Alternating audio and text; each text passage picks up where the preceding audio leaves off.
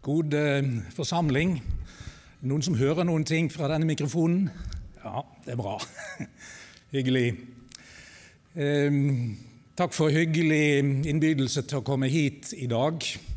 Det holdt på å gå galt i går kveld klokka halv ti, for da fikk jeg to SMS-er på rad med to minutters mellomrom. Den ene hadde hørt på en lokalradio en melding om at jeg skulle tale i Betlehem, men det sto i lokalavisen for Nordhordland at jeg skulle tale på Romaheim bedehus i Nordhordland på samme klokkeslett klokka 11. Den andre hadde sett i lokalavisen at jeg skulle tale i Romaheim, men han mente også at det kunne ikke forenes med at jeg skulle tale i Betlehem. Da skjønte jeg jo at jeg hadde et problem halv ti i går kveld. Så ringte jeg litt rundt, og så ringte jeg til en ung mann som heter Ole Korneliussen, som bor på Frekkhaug, der hvor jeg bor. Og Han har gått her i huset når han var student i byen, men nå er han ferdig utdannet og er blitt lærer på skolen på Frekkhaug. Men han eh, er også eh, predikant i Nordhordland Indremisjon. Eh, ung mann. Han fant ei som han gifta seg med her i Betlehem. Og de har fått en baby. og når jeg ringte han da klokka ti på ti i går kveld og spurte om du i morgen tidlig kan reise til Romerheim bedehus, da tenkte han seg om bare litt. Og Så sa han jeg kan ikke tale om eh, søndagsteksten, jeg må tale om noe som jeg har forberedt til en annen søndag. Ja, sa jeg, det godtar de nok i Romerheim bedehus. Så da bestemte han og kona og babyen eh, at de skulle reise til Roma bedehus, og etterpå skulle de gå på tur inn i Osterfjorden på en liten fjelltur på et praktfullt høstvær. Så krisen løste seg. Det syns jeg var veldig kjekt. Vi må eh, fortsette å be. Kjære Herre Gud, himmelske Far. Du er eh, herre over livet og herre over døden, og du er oppstandelsens herre. Jesus har vunnet seier over døden, han har gjort det for oss. Og Da ber vi om at vi må få leve i samfunnet med, med Jesus, både i livet og i døden, og tvers gjennom døden og inn i det evige livet. Amen. Evangelieteksten for um, denne søndagen, 17. søndag i treenighetstiden, står i Markusevangeliet kapittel 5, fra vers 35 til 43, og det handler om Jesus. Mens han ennå talte, kom det noen fra synagogeforstander Jairus' hus og sa:" Datteren din er død, hvorfor bryr du mesteren lenger? Men Jesus hørte det som ble sagt, og sa til synagogeforstanderen, frykt ikke, bare tro. Han lot ingen følge med seg uten Peter og Jakob og Johannes, bror til Jakob. De kom så til synagogeforstanderens hus. Der ser han et stort oppstyr, folk som storgråter og jamrer høyt. Idet han kommer inn, sier han til dem, hvorfor larmer og gråter dere? Barnet er ikke død, hun sover. Men de bare lo av han. Han driver alle ut, tar med seg barnets far og mor og dem som var med ham, og går inn der barnet er. Så tar han barnet ved hånden og sier til henne, Talita komi. Det betyr, lille pike, jeg sier deg, stå opp. Straks sto piken opp og gikk omkring, for hun var tolv år gammel og de ble helt ute av seg av undring.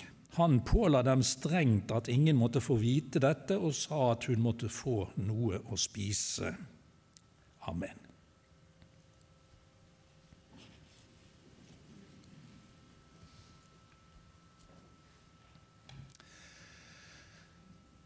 Det er vanlig fra gammelt av å si at 17. søndag i treenighetstiden om høsten det er eh, høstsemesterets påskedag en slags minipåskedag, altså midt på høsten.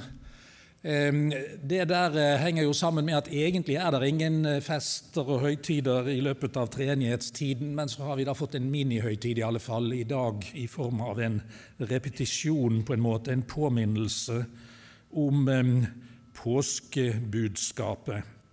Det vi nå har hørt i teksten om eh, den tolv år gamle jenta, dattera til synagogeforstander Jairus, som Jesus tar i hånden og vekker opp med et myndig ord og sier 'Talita komi'. Jeg studerte samtidig med Lars Johan, som dere hørte intervju med her i sted. og Vi måtte lære oss hebraisk, og jeg har svettet litt med dette ordet som Jesus sier, 'talita komi', på hebraisk. Men så viser det seg at det er ikke hebraisk, det er arameisk. Så det kom ikke så Iallfall ikke til bunns, for, for, å si det forsiktig. Men eh, det er noe gjenkjennelig i det, syns jeg, sånn rent språklig i forhold til det jeg lærte i gamle dager når når jeg skulle lære det. Talita det betyr altså 'lille jente'. En eh, stilig eh, arameisk eh, tiltaleform. 'Du lille jente'. Og så er det 'komi', og det er likt på hebraisk og arameisk, for det er ikke så stor forskjell mellom de to språkene, og det betyr 'stå opp'. Og det er bydeform. Så det er Jesus som befaler over en som er død, at hun skal leve. Og så er det slik med Jesu ord altså at det virker det som det nevner. I så måte er det forskjell på våre ord og Jesu ord. Jeg husker eh, læreren på skolen når vi skulle, eh, skulle lære salmevers, for det lærte vi på skolen i min tid, eh, på 50-tallet.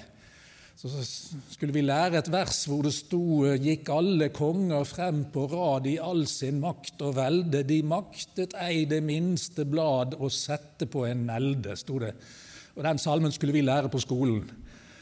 Og så husker jeg Læreren pekte på en flekk på gulvet og så sa han det at du kan befale så mye du vil at det skal vokse opp en brennenesle der på, på, på gulvet, men ordene dine greier ikke å skape noen brennenesle som vokser opp der på gulvet. Så det er forskjellen på um, menneskeord som ikke greier å skape det de nevner, og Jesu ord, som vi har i teksten i dag, som skaper det som det nevner.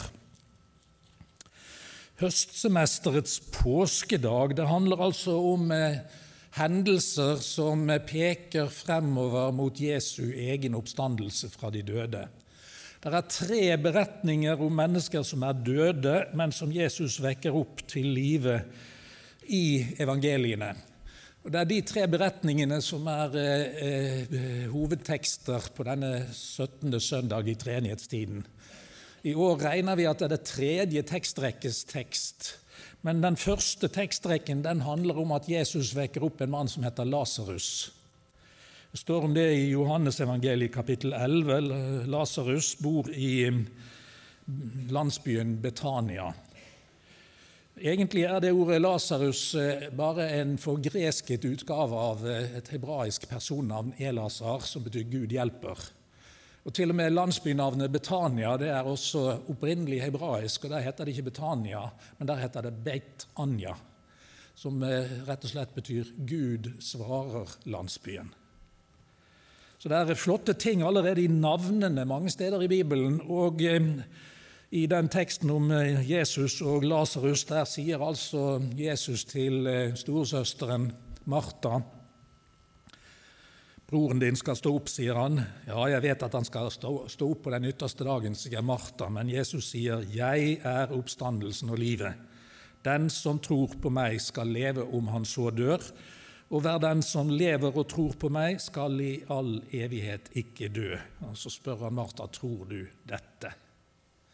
Og Hun sier ja, og så sier hun jeg tror at du er Messias, Guds sønn.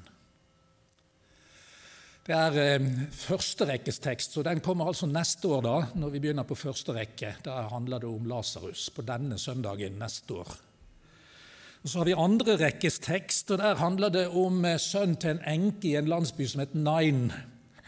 Der kommer altså Jesus og disippelflokken gående mot landsbyen, og ut av landsbyen kommer det et annet opptog, og det er et gravfølge. Det er eh, hele landsbyen som følger en enke. Hun har mistet mannen sin før.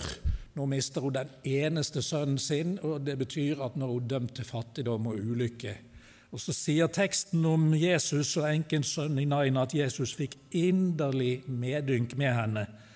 Og Så sa han til henne 'gråt ikke', og så gikk han bort og rørte ved båren. Og så sa Jesus et sånt ord som eh, virker det som ordet sier. Han sa, Unge mann, jeg sier deg, stå opp. Og straks sto den døde opp. Det er andre rekkes tekst. Den har slående likheter med en beretning i Det gamle testamentet, hvor det er profeten Elia som er eh, gjest i huset til en enke i Sarepta. Det var hun som hadde den oljekrukken som aldri ble tom.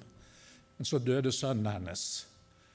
Og da fikk altså profeten Elia den samme nåde til å be inderlig til Gud for den døde unge mannen, og så ble han vekket opp til live. Og Da er det akkurat som om beretningen om Jesus og enken sønn i Nain drar en parallell til det med Elia, og så sier beretningen han er ikke bare den nye Moses, men han er den nye Elia, og han er eh, enda mer enn begge to.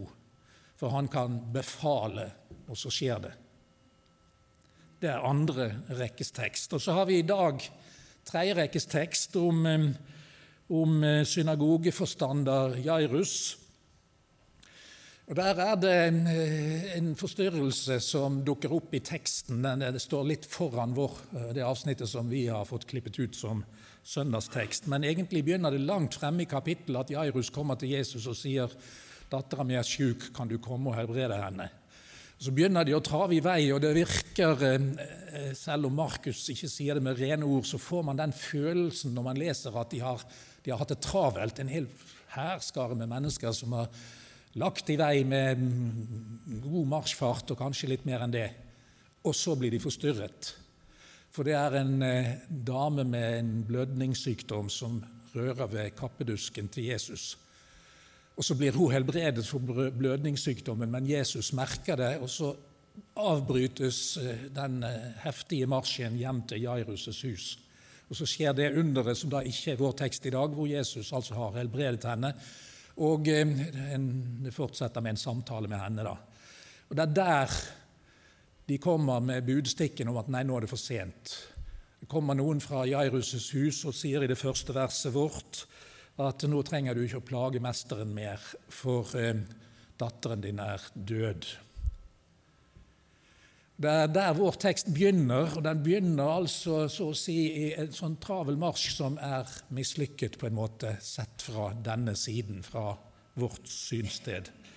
Men eh, Jesus griper med en gang inn og sier til, eh, til eh, Jairus, frykt ikke ikke bare tro. Flott ord Jesus da sier. Hva sier han da gjennom det der til Jairus? Han sier mennesker tenker at når en dør, da er det for sent. Men sånn er det bare for mennesker. Men for Gud er det ikke for sent når vi dør. Guds klokke er annerledes. Gud eh, han kan gjøre ting også etter døden. Og Det er, det, det er liksom en understrøm av det signalet til oss at når vi skal tenke på liv og død i Guds perspektiv, da skal vi ikke tenke at døden er siste stoppested. Så eh, her er det allerede tidlig i teksten vår noen flotte ting å ha i tankene om budskapet i denne teksten. Frykt ikke bare tro, sier Jesus. Gud, han er herre også over døden. Og Så fortsetter de helt frem. Jesus tar med seg disse tre disiplene som eh, i våre dager vil vi kanskje kalle det for arbeidsutvalget i disippelflokken, for de er tre stykker. Eh, for vi har sånn moderne organisasjonsspråk, men eh, det hadde de vel da ikke den gangen. Men det var vel et arbeidsutvalg de var, antagelig. Og De var vel med for å være vitner etter de gamle reglene om at en sak skal stå fast ved eh, minst et par vitners ord. Peter og Jakob og Johannes, i tillegg til, eh, til eh, eh, moren og faren til jenta. Men da de kommer dit, så er det jo eh, nokså mye larm og støy fra de som er profesjonelle sørgere.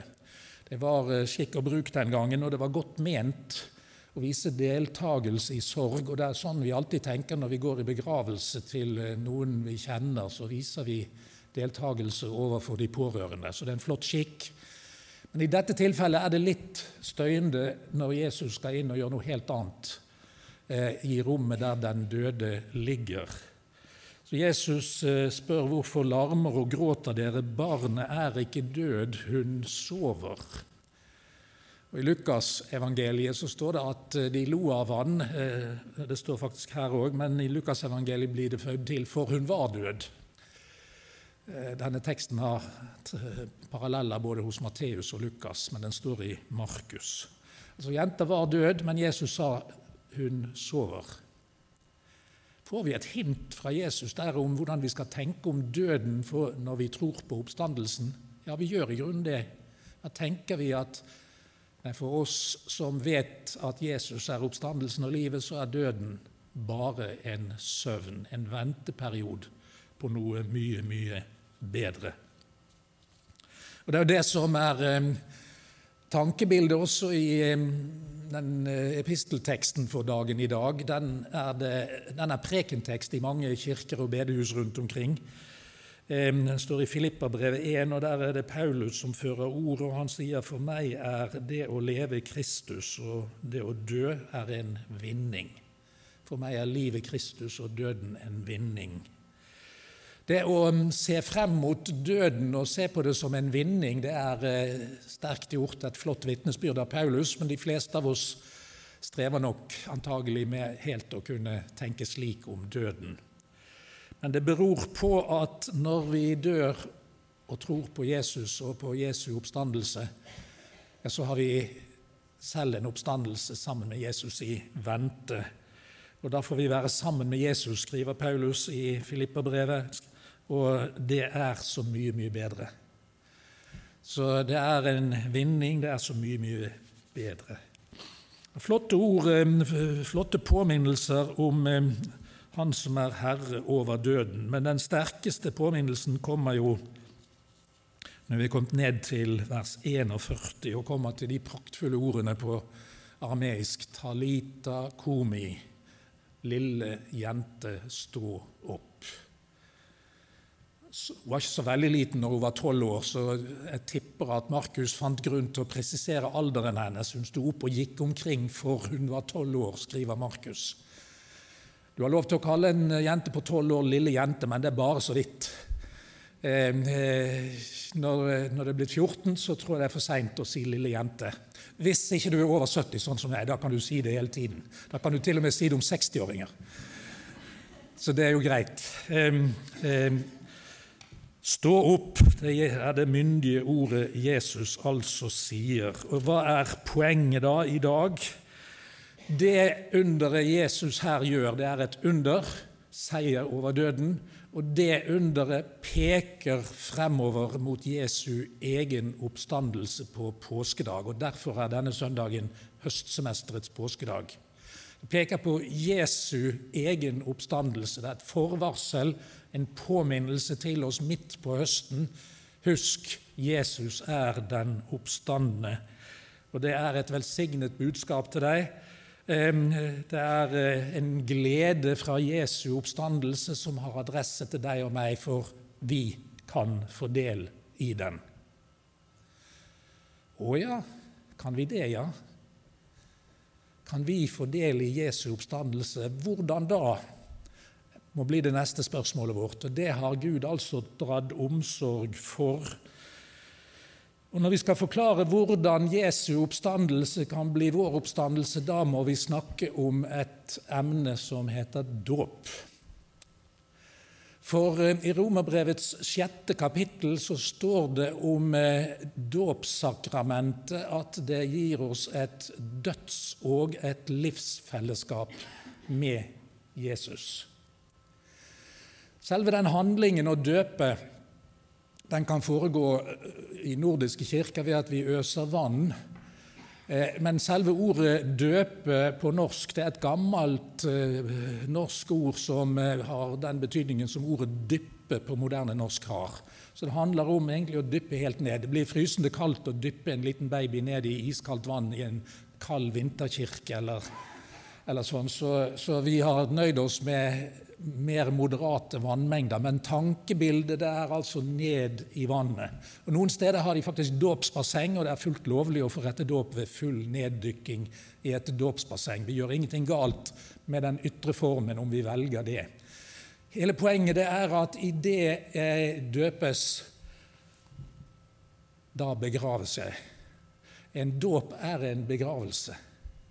Da klapper jorden over, sammen over hodet mitt. Jordstoffet, vann, klapper sammen over hodet mitt, og så er jeg nede i jorden i en grav. Hvor lenge er jeg da? Ett sekund. Det er en minibegravelse. Det er et forsmak på begravelsen min som skjer idet jeg døpes. Og Et sekund etterpå så står jeg opp av graven igjen. Så dåpen er to ting. Det er en begravelseshandling og en oppstandelseshandling.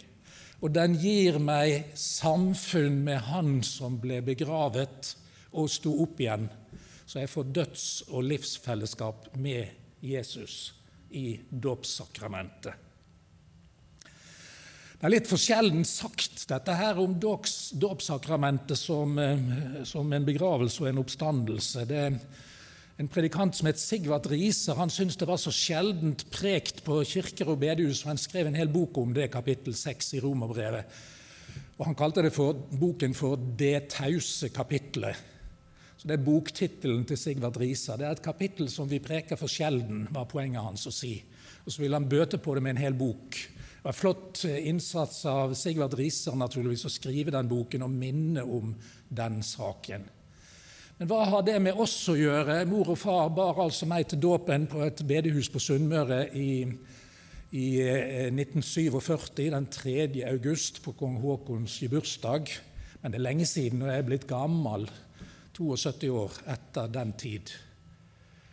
Ehm, far var eh, presten på stedet, og bedehuset var eh, i bruk som gudstjenestelokale. Så det var far som forrettet dåpshandlingen. og og stilte han spørsmålet til barnets foreldre vil dere at dette barnet skal døpes osv. Når han hadde stilt spørsmålet, så svarte mor, som sto og bar meg, ja. Og far, som hadde stilt spørsmålet, han svarte også ja på sitt eget spørsmål. Så han løste eh, dette på den måten. Slik ble jeg for min del døpt. Ehm, eh, det var eh, den gangen. Men hva har det med meg å gjøre nå, når jeg er 72 år, og med deg og med oss alle sammen på høstsemesterets påskedag? Jo, dette døds- og livsfellesskapet med Jesus varer fremdeles, med mindre du har falt fra troen. Da er det slutt. Da må du omvende deg for at det skal begynne å gjelde igjen. Men eh, dåpspakten den fortsetter å gjelde. Og den gir meg det samme døds- og livsfellesskapet hele livet. Faren med å si 'hele livet' det er at da tenker vi at da slutter det med døden. Men faktisk, dåpssakramentets betydning for deg og meg slutter ikke engang når vi dør. Men idet vi dør, så kommer Guds engler og bærer oss tvers gjennom døden og inn i oppstandelsen til det evige livet. Det skjer altså fordi vi er døpt og har fått denne oppstandelsen på forskudd gjennom dåpssakramentet. Og Derfor sier de ofte i kirkelige kretser om eh, påskedag at det er en dåpssøndag. Det er flott å ha dåp i kirken på påskedag, for det, det er så tydelig forbindelse mellom dåpssakramentet og oppstandelsen. Men det er jo like viktig naturligvis da på høstsemesterets påskedag, som er i dag. Eh, der er eh, faktisk en, et lit, noen ord om det, dette her i katekismen. Der er en part i katekismen som heter dåpen. Jeg har en nynorsk utgave her. Hvordan en far på en enkel måte skal lære familien sin om dåpen, står det. For det første, hva er dåpen? Svar, dåpen er ikke bare vann, men den er vann som er tatt med i Guds bord, båd og sammeint med Guds ord.